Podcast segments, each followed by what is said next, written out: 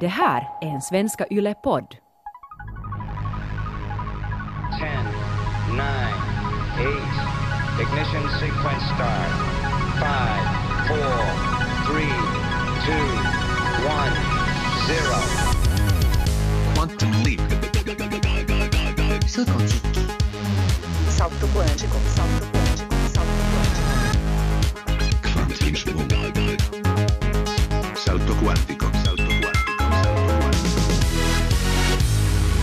Kvanthopp, det du inte visste att du ville veta. Alla talar om vädret, men ingen gör någonting åt det. Vem var det som sa det så? Inte Arne Anka i alla fall. Det var den amerikanske författaren Charles Dudley Warner, som för övrigt också var kompis med Mark Twain, en annan mästare på bevingade ord. Men vi ska alltså tala lite om det här med att förändra vädret idag. Inte så mycket om att förändra klimatet den här gången. Det gör vi ju också, men nu talar jag alltså om att bokstavligen förändra vädret. Få det att regna då man behöver regn eller få det att hålla upp då man definitivt inte vill ha regn. Då man har garden party eller OS-invigning eller någonting annat liknande. Det är många som har försökt sig på det här och kanske till och med lyckats med det. Till exempel i samband med kärnkraftskatastrofen i Tjernobyl då ett radioaktivt regnmoln hotade Moskva. Mer om det lite senare i programmet. Markus Rosenlund så heter jag förresten. Hej på er bara och välkomna till Kvanthopp. Hälsningar till alla härliga människor som kom och lyssnade när jag var och talade på olika ställen i Österbotten nu i veckan. Tack ska ni ha för att ni kom. I det här programmet ska vi också gå på ett innovationsforum i Budapest. Och Albert Ernroth ska fira det faktum att det i år har gått 200 år sedan Storbritanniens drottning Victoria föddes. Och det gör Albert med att berätta det du inte visste att du ville veta om drottning Victoria. Prinsessans tidiga barndom var lycklig. Hon lekte med sin halvsyster, hade en älskvärd guvernant som också hjälpte att sy dockkläder och Victoria sydde också byxor åt sin hund. Hon blev en habil sångerska och pianist. Men när hon utsågs till tronföljerska blev det andra bullar. Sådant i Kvanthopp idag, men vi inleder med lite gott och blandat i veckans notiser.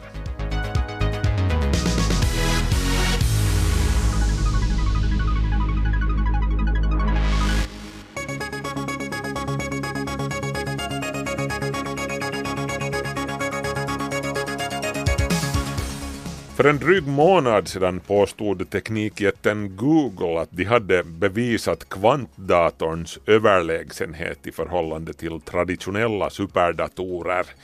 Googles kvantdator kallad Sycamore påstods ha klarat av en monumentalt massiv räkneoperation på bara drygt tre minuter. En räkneoperation som världens kraftfullaste traditionella superdator skulle behöva 10 000 år för. Men nu hävdar IT-företaget IBM att Googles test var riggat. Google utgick inte från superdatorns fulla potential, menar IBM. Skulle de ha gjort det så skulle superdatorn ha klarat av att lösa problemet på bara två och ett halvt dygn istället för 10 000 år. Så det är förhastat att säga att kvantdatorn klarar av att göra sådant som får den traditionella superdatorn att tappa andan.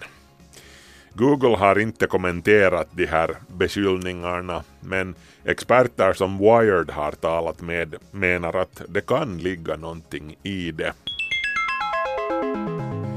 Sedan 1967 har en sekund definierats som varaktigheten av 9 miljarder 192 miljoner 631 770 svängningar hos isotopen cesium-133, sådär i ett nötskal. Men vi kan snart få lov att omdefiniera det här tack vare en ny, mycket exaktare optisk atomklocka som bara kastar med en sekund på 300 miljoner år. Forskare på University of Colorado i USA har alltså konstruerat en klocka som till skillnad från de gamla atomklockorna inte använder mikrovågor för att mäta atomernas svängningar utan laserljus vars ljusvågor har en mycket högre frekvens. Mätningarna kan därför göras mycket exaktare. Som om det här inte vore nog så jobbar forskarna också på en annan helt ny typ av klocka, en så kallad jonklocka som bara kastar med en sekund på två miljarder år. Vem som nu sedan kommer att finnas här för att kunna bekräfta det, det är en annan femma. Vad beror det på att vi varmblodiga djur inte kan få nya kroppsdelar? Till exempel när vi råkar såga av ett finger. Inte växer det ju ut ett nytt finger då, till skillnad från ödlor och andra kallblodiga ryggradsdjur som tappar sina svansar och, och sen växer det ut en ny. Enligt en ny studie publicerad i tidskriften Cell Reports är det här priset som vi får betala för att vi istället fick en hyfsat stor hjärna. Det är ryska forskare som har studerat en gen som reglerar svansåterväxten hos grodyngel av den afrikanska klogrodan. Genen i fråga sitter i en del av arvsmassan som finns kvar också hos oss varmblodiga djur, men själva genen har försvunnit med tiden. Baserat på experiment med musfoster drog forskarna slutsatsen att genen försvann eftersom det tog bort en blockering som gjorde det möjligt att utveckla större hjärnor. Så valet stod alltså mellan att antingen bli smarta eller att kunna få nya armar och ben vid behov. Vilken dera skulle du föredra? Big Bang eller ursmällen som gav upphov till universum producerade ingen ljusblixt. Det var helt enkelt för hett för att ljus skulle kunna existera.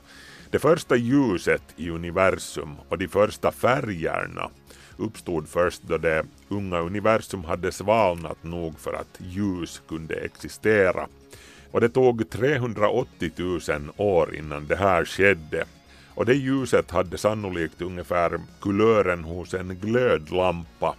Universe Today har en artikel om det här.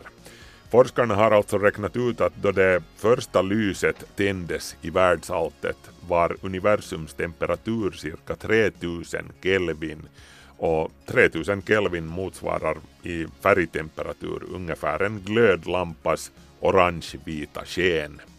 Och det här urskenet det tonade sedan snabbt ut och blev allt rödare i takt med att universum svalnade och till sist så blev universum kolmörkt. Mörkret skingrades inte förrän 180 miljoner år senare då de första stjärnorna tändes och de brann med ett hett blåvitt sken.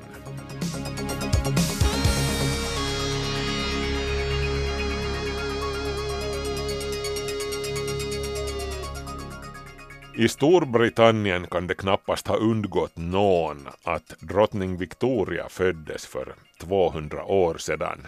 Televisionsprogram, utställningar och konserter har under sommaren firat monarken vars namn idag förknippas med en tidsanda som kännetecknades av prydhet, moralism, kristlighet och brittisk imperialism. Många har en bild av Victoria som den sörjande gamla änkan i Windsor. Men tack vare ITVs televisionsserie som också har gått i finsk TV har vi kunnat bekanta oss med den unga drottningen och det har kanske hjälpt att få henne att framstå som lite mera sympatisk. Albert Ernroth har besökt en ny permanent utställning på Kensington Palace i London som fokuserar på prinsessan Victorias liv, alltså innan hon som 18-åring besteg tronen.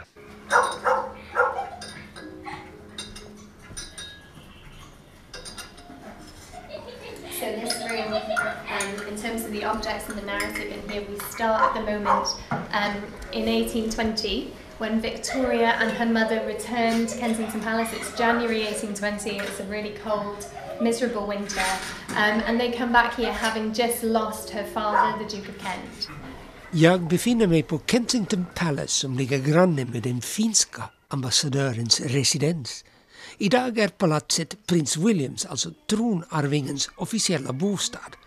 Palatset har varit en kunglig tjänstebostad sedan 1689 och har sedan dess byggts ut och moderniserats flera gånger.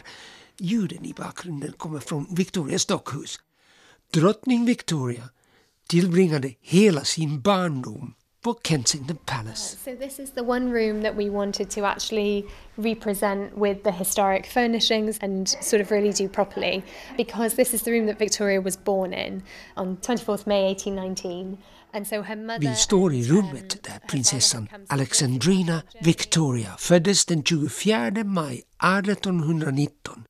Utställningsarrangörerna har försökt återskapa originalinredningen inklusive Victorias barnvagga. Den enorma sängen, som senare blev drottningens, och prins Alberts brudsäng upptar en stor del av golvytan. Her mother and her father had come sort of racing back from Germany to make sure that she's born here. Um, and we've got fantastic surviving um, evidence for what this room looked like, for the colours, for what was in here. So it's all based Victorias on, mamma och pappa skyndade And- and tillbaka what från Tyskland till London så att de kunde vara säkra på att barnet föddes i England. Men när prinsessan Victoria kom till världen var det inte alls självklart att hon en dag skulle bli drottning och senare till och med kejsarinna av Indien. Jag talar med Claudia Acott Williams som är en av kuratorerna för den nya permanenta utställningen om drottning Victoria. Despite the fact that George III and Queen Charlotte had managed to produce 15 children, surviving children, because of the Royal Marriages Act, none of them have managed to produce a legitimate heir to the throne. Kung George den tredje fick tillsammans med sin drottning Charlotte av Mecklenburg 15 barn. Men tronarvingarna, de äldsta sönerna, levde utsvävande liv och producerade endast efterkommande som på den tiden betraktades som illegitima. Befolkningen var dessutom avogt inställd till huset Hannover, alltså de tysk-brittiska monarkerna som styrde sedan 1714 tronföljaren George som tvingades av sin far George den tredje att gifta sig med sin kusin Caroline av Brunsvik fick år 1796 en dotter. Och alla drog en suck av lättnad. Men dottern, Charlotte Augusta, som var populär bland folket, dog 20 år senare i barnsäng. Det betydde att det inte längre fanns en lämplig ung tronarvinge. Och vid det laget hade tronföljaren George dessutom inte längre kontakt med sin maka och ansågs för gammal för barnavel.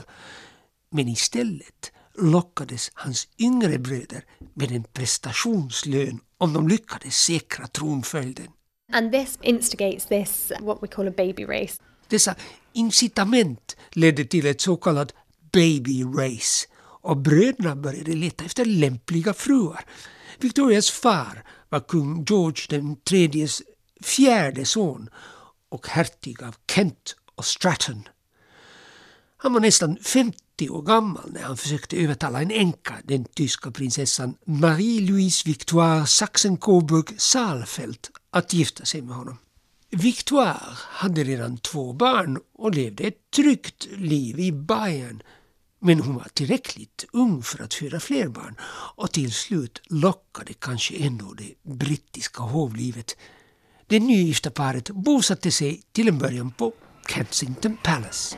Victoria was born here, but because the Duke of Kent is always in debt, he never has enough money.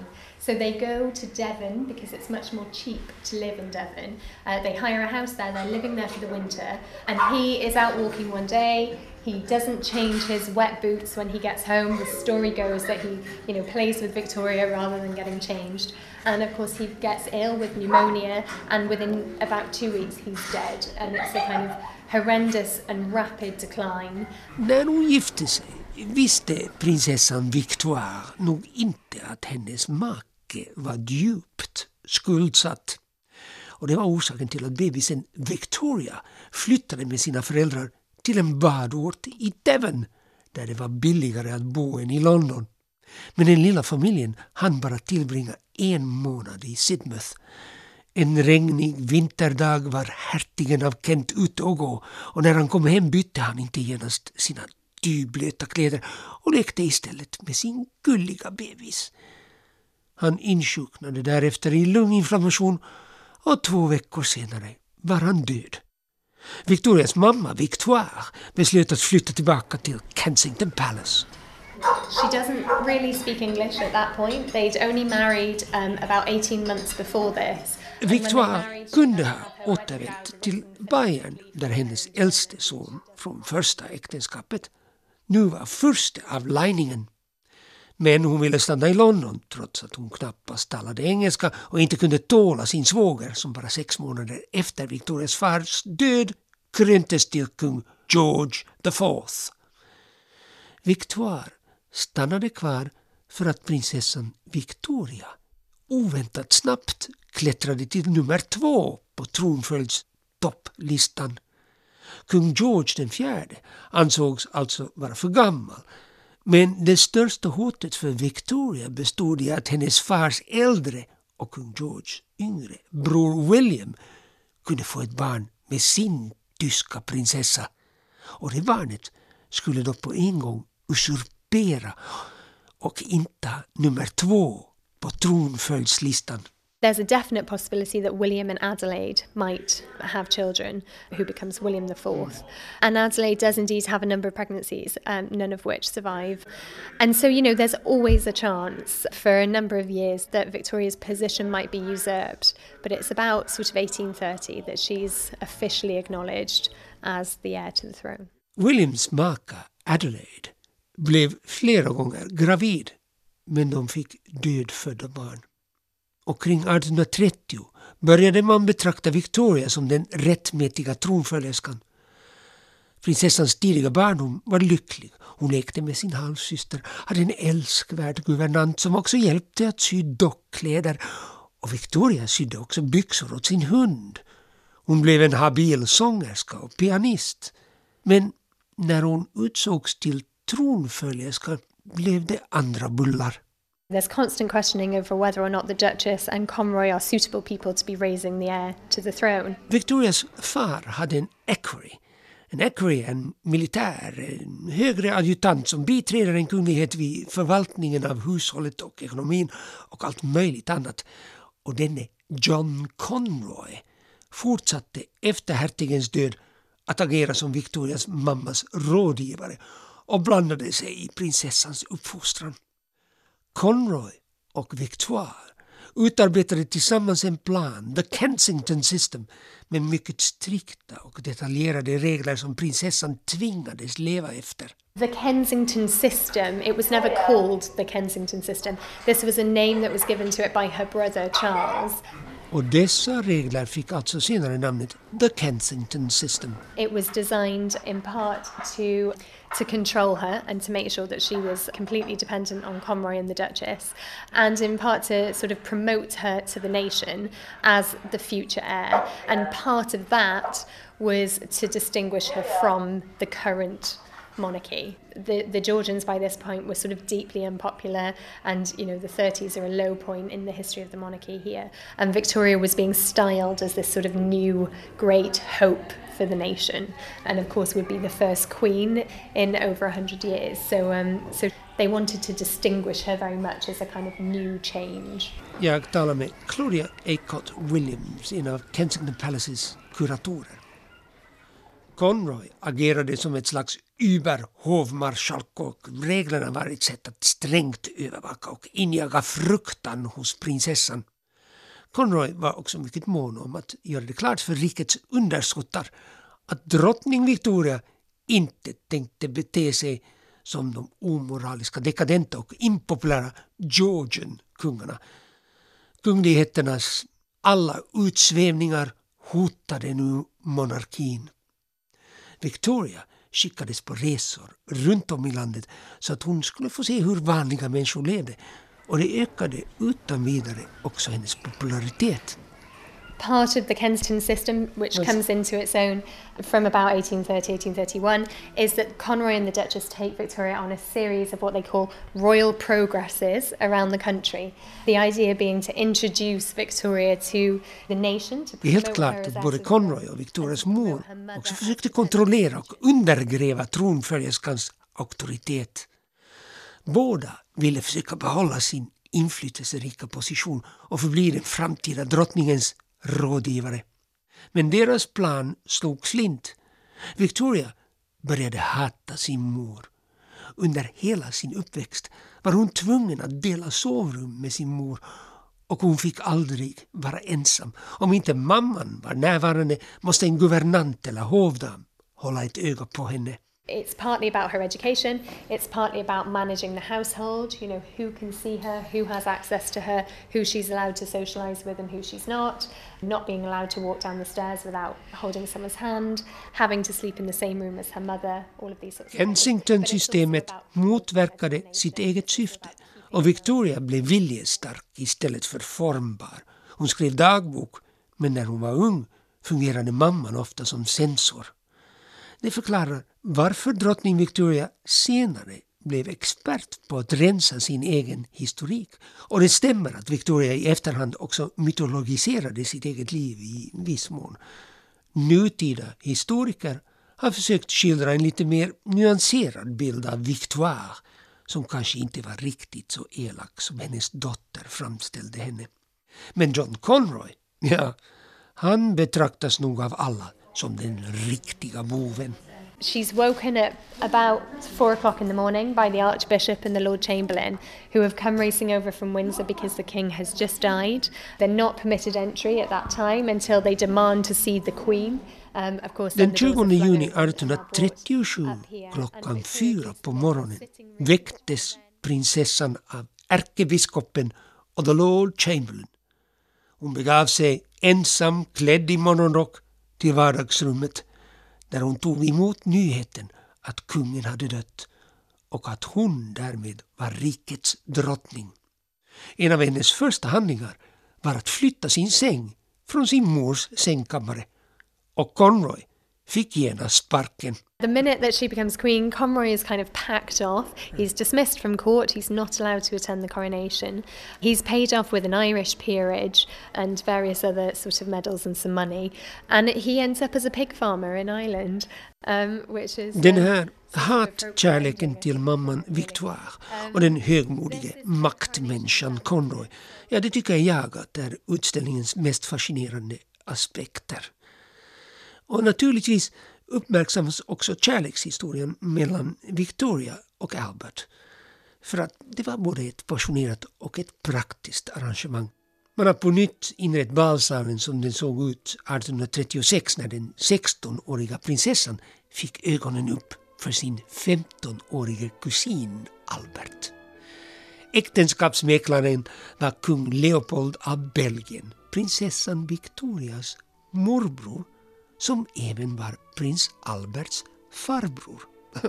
Det har spekulerats att kung Leopold var Alberts biologiska pappa.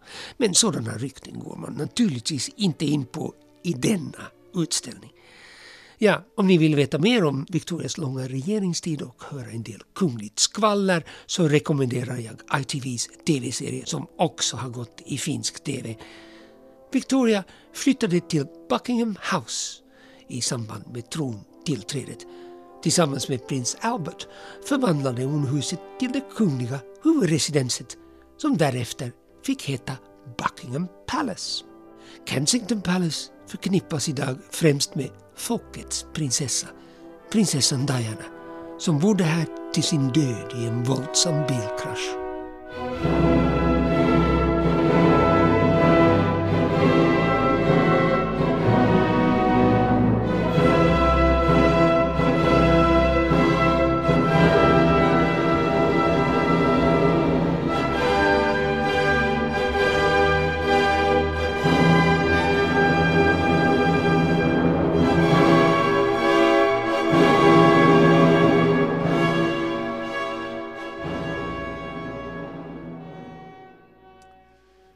Hörde ett stycke ur Felix Mendelssohns tredje symfoni. Mendelssohn var Victoria och Alberts favoritkompositör och han besökte Buckingham Palace ett antal gånger.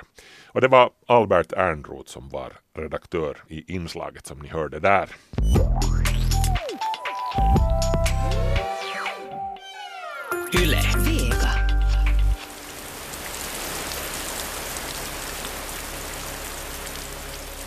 Att kontrollera vädret är någonting som människan har drömt om så länge som vi har existerat som art. Styr du över vädret så styr du ju över liv och död i praktiken. Därför har det offrats människor till vädergudarna och det har dansats regndanser och vem vet vad. Men man behöver ju inte ta till trollkonster. Det går ju att göra det hela med vetenskapliga metoder också. Eller går det?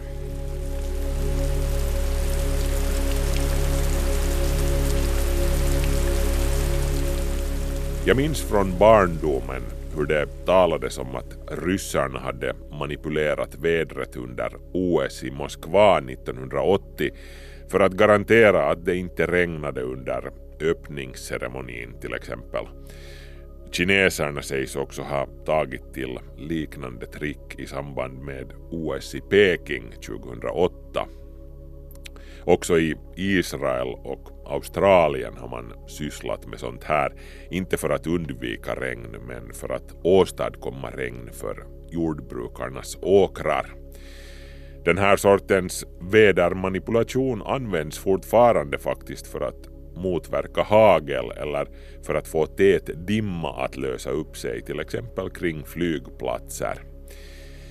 Och hur går man då tillväga om man vill åstadkomma regn eller tvärtom om man vill förhindra att det regnar på ett visst område. Det gör man då alltså genom att man ser till att molnet regnar av sig någon annanstans innan det når stadion. Liksom. Nå, det finns alltså någonting som kallas molnsådd där man sprider ut olika kemiska ämnen i luften eller snarare då i molnet för att påverka de mikrofysikaliska processerna i ett moln. Det kan handla till exempel om små partiklar av något kemiskt ämne som aluminiumoxid, silverjodid, kolaska används också, eller kolsyresnö. Tanken är att till exempel silverjodiden eller kolsyresnön får de här underkylda molndropparna att frysa till och samlas till snöflingor som sakta faller ner mot marken. Sedan smälter de till regn när de kommer längre ned. Den här molnsådden kan göras med flygplan, med, med drönare eller ballonger till exempel. Eller från marken med kanoner eller något slags raketer. Samma process pågår för övrigt också helt naturligt i molnen, oftast då med svävande bakterier som frön så att säga.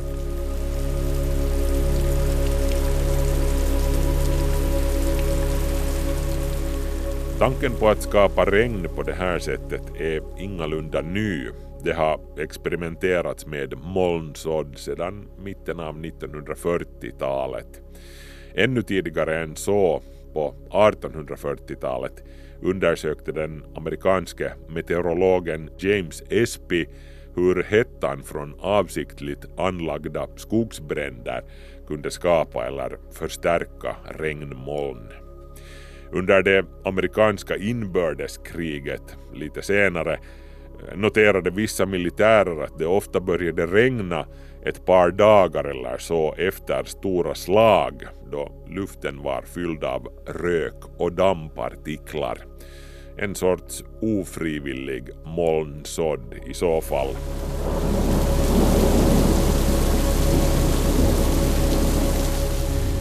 Det sägs att Sovjetunionens flygvapen använde molnsådd med silverjodidpartiklar dagarna efter Tjernobyl-olyckan för att avlägsna radioaktiva partiklar från regnmoln som var på väg mot Moskva och andra tättbefolkade områden. Det sägs också att det här lyckades. Det radioaktiva regnet föll istället över Vitryssland med kraftigt förhöjd radioaktivitet som följd i det området istället. Moskva förnekade att man skulle ha sysslat med den här sortens aktivitet men det är nog ganska väl dokumenterat, bland annat av BBC, att det faktiskt pågick. En av piloterna som skötte själva molnsådden har berättat öppet om händelserna. Han blev också belönad för sin medverkan. Också USA övervägde att använda molnsådd för strategiska syften. En av president Eisenhowers rådgivare föreslog att man skulle utnyttja molnsådd för att skapa konstgjord torka i Sovjetunionen med missväxt och hunger som följd. Och ryssarna de skulle ju inte sedan kunna hämnas var tanken eftersom vädret oftast kommer från väster. Nå, så vitt man vet så blev det här projektet aldrig mer än spekulationer.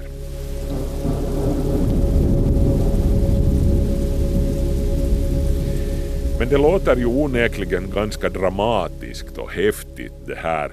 Lite som att vi faktiskt skulle ha lyckats skaffa oss nästan gudalika krafter när det kommer till att manipulera vädret. Men kan man då verkligen slå fast en gång för alla att molnsådd faktiskt fungerar? Tja, nå, inte egentligen faktiskt. Eller jo, no okej, förutsatt att det finns ett tillräckligt vattenrikt moln. Utan ett sådant är ditt regnmakeri kört helt enkelt. Så kan man få regn att falla nog genom att spruta ut något lämpligt salt i molnet som till exempel just silverjodid. Men hur mycket regn den här metoden verkligen kan ge, det är väldigt osäkert. Molnet kanske skulle ha gett nederbörd i varje fall, kanske till och med mera än vad ditt regnmakeri åstadkom. Du kan liksom inte bevisa vetenskapligt vad som är mänsklig påverkan och vad som helt enkelt är naturligt regn. Att få regn att falla på önskad plats och tid har också visat sig vara väldigt svårt och mer eller mindre slumpmässigt.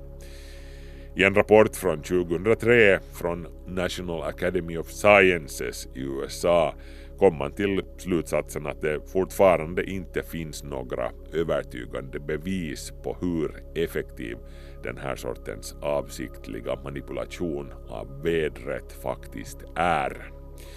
Det har inte heller forskats värst mycket i det här fenomenet sedan 1970-talet. Så det är liksom ganska vanskligt att säga vare sig bu eller bä om huruvida vi faktiskt besitter den här gudalika förmågan att manipulera vädret eller inte. Förmågan att manipulera klimatet, det har vi ju däremot bevisligen, även om det mer eller mindre är oavsiktligt. Men det är en annan femma så att säga.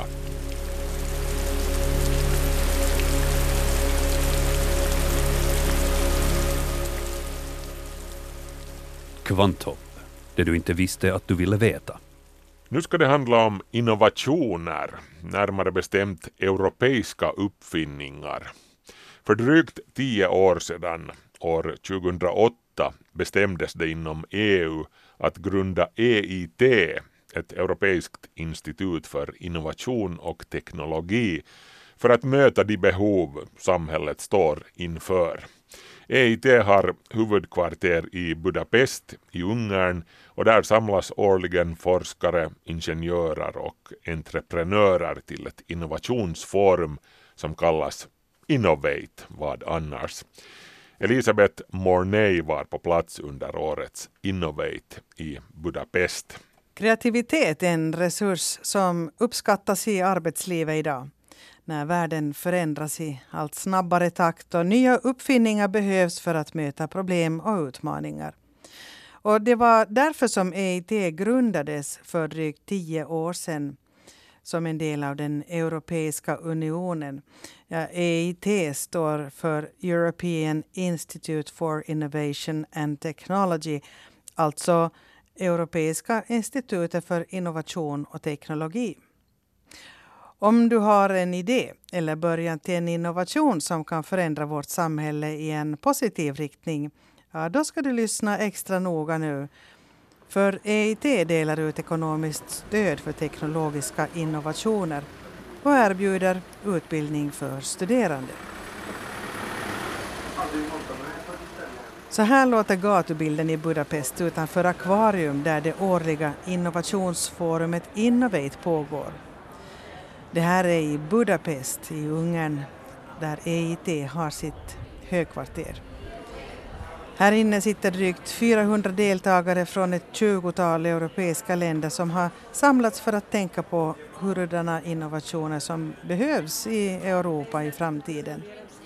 Det är fokus på framsteg inom teknologi som har betydelse för vårt samhälle inom områden som till exempel mat, transport, klimat, råmaterial, energi och digitalisering. De främsta innovationerna deltar i en tävling där man kan vinna ända upp till 50 000 euro.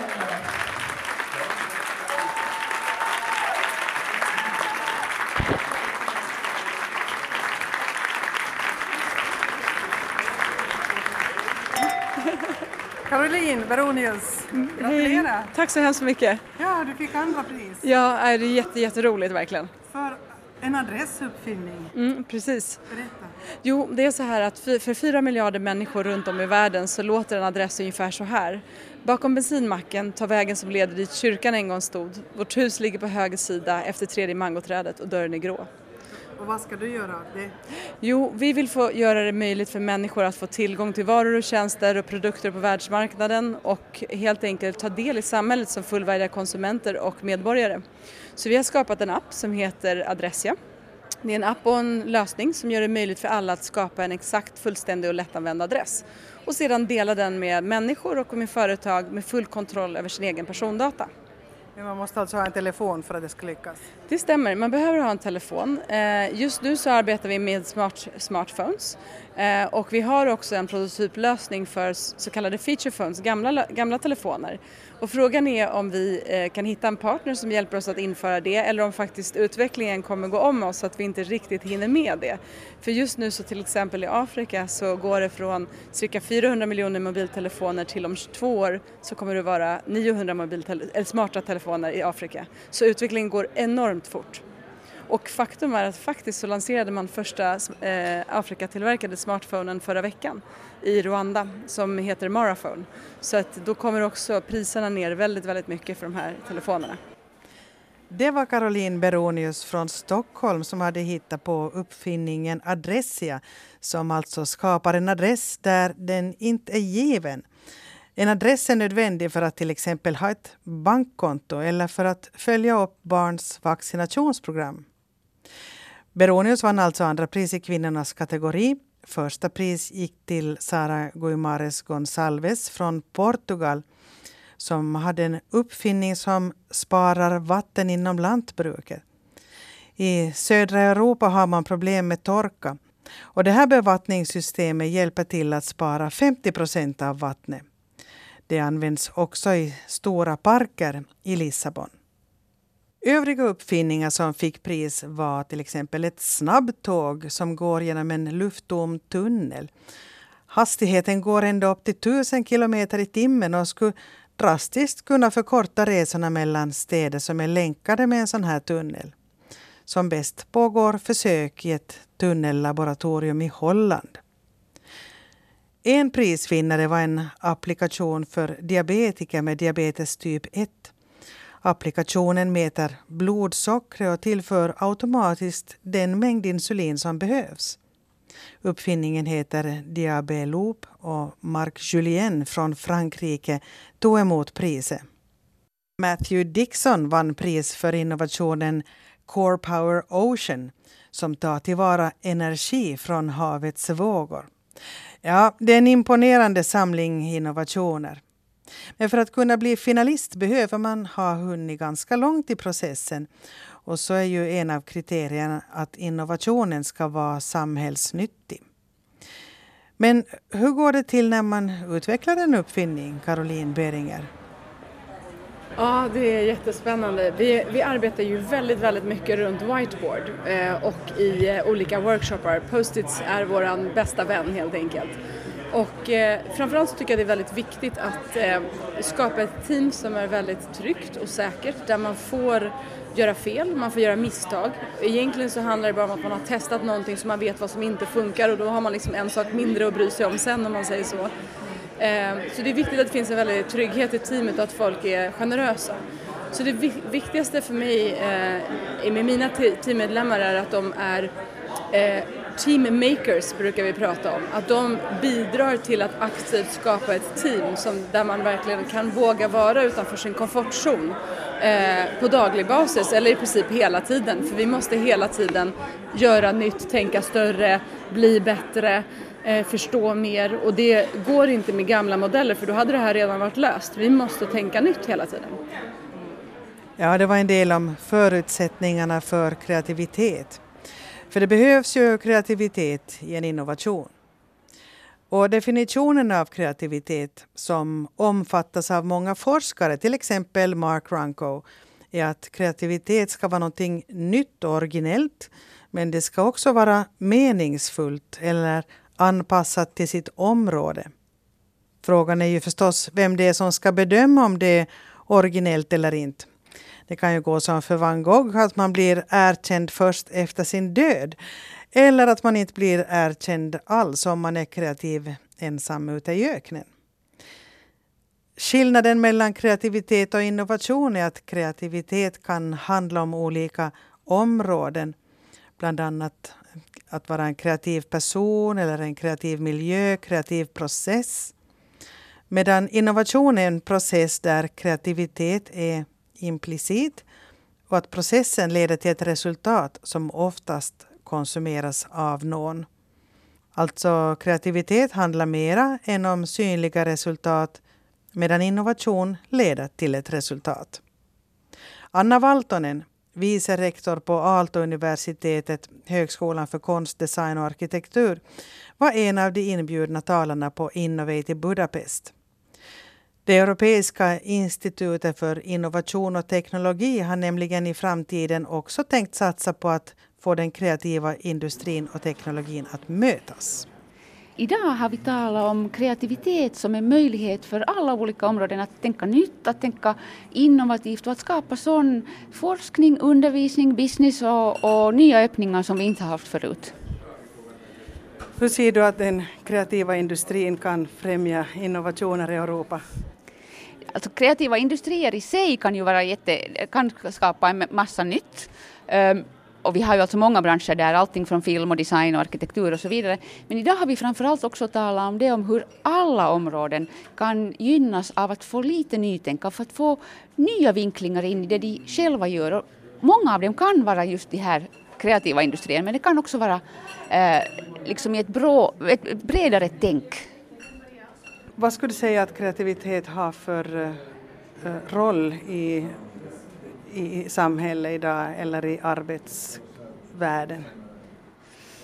Jag ser det väl kanske ur vinkeln av ett litet land som Finland. Eh, vi har svårt att konkurrera med stora volymer, med massor med data eller mycket pengar eller något sånt. Istället tycker jag att vi kan bli jättebra på att tänka på olika frågor liksom från ett mänskligt perspektiv och kanske från ett lite annorlunda perspektiv än vad andra konkurrenter gör och då har vi en möjlighet att klara oss globalt. På vilket sätt ser du att den kreativa industrin skulle kunna främja det här? Ett bra exempel är, är spel till exempel. Det är klassiskt en kombination av du ska ha den bästa teknologin, folk som kan koda och så vidare, nya businessmöjligheter. Men det blir ingenting utan själva innehållet, utan storyn, utan, utan allting från hur det visuellt är uppbyggt till, till hur du som människa relaterar till de figurerna som finns i, i spelen och så vidare. Och jag tror att orsaken varför de har blivit så starka just i Finland är, är det här samarbetet mellan de olika områdena som jobbar ihop. I publiken hittar jag en finländare till, nämligen Anneli Ritala som är ledande forskare på VTT som är statens teknologiska forskningscentral. Vad har hon fått ut av att besöka Innovate i Budapest? Öm, no kyllä sieltä jäi niinku mukavia uusia tuttavuuksia, mikä on aina erittäin tärkeää tämmöisissä tapahtumissa, eli sä luot, luot sitä verkostoa, joka avulla sä sitten myöhemmin rakennat uusia hankkeita. Jag fick många nya bekanta och det är viktigt att bygga nätverk som kan vara samarbetspartners i kommande projekt, säger Anneli Ritala och rekommenderar alla att delta i Innovates Forum, inte bara teknologer och entreprenörer. Ei todellakaan, vaan siis kyllä se on ihan, että siellähän oli aika hienoja, oli tämmöisiä kulttuuri- ja myös luovien ihmisten niin kuin, tuomia saavutuksia. Ja se ehkä niin kuin just semmoinen, että tuodaan niin kuin vähän erilaisia ihmisiä yhteen, niin silloin niistä innovaatioista tulee monipuolisempiakin. Ja Det är fint att se kulturella och kreativa människors produkter. Det är bra att föra människor med olika bakgrund tillsammans för då blir innovationerna mångsidigare, sa här Anneli Ritala, ledande forskare vid VTT. Det var Elisabeth Morney som var redaktör för det inslaget. Kvanthopp. Sikta mot stjärnorna.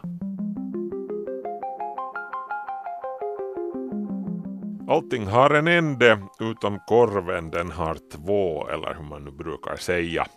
Det här programmet har hur som helst kommit till sin ände för den här veckan. Men du hittar ju Kvanthopp och många andra fina YLE-program på YLE Arenan. Förresten så kan jag hälsa åt er som inte tycker om att jag spelar musik mellan inslagen här i Kvanthopp att den version av Kvanthopp som dyker upp på arenan på måndag förmiddag den är en så kallad podcastversion som inte innehåller någon musik. Så föredrar du ditt kvanthopp utan musik så gå in på arenan och lyssna på den versionen. Eller ladda ner den. Markus Rosenlund så heter jag som nu säger tack och hej på återhörande.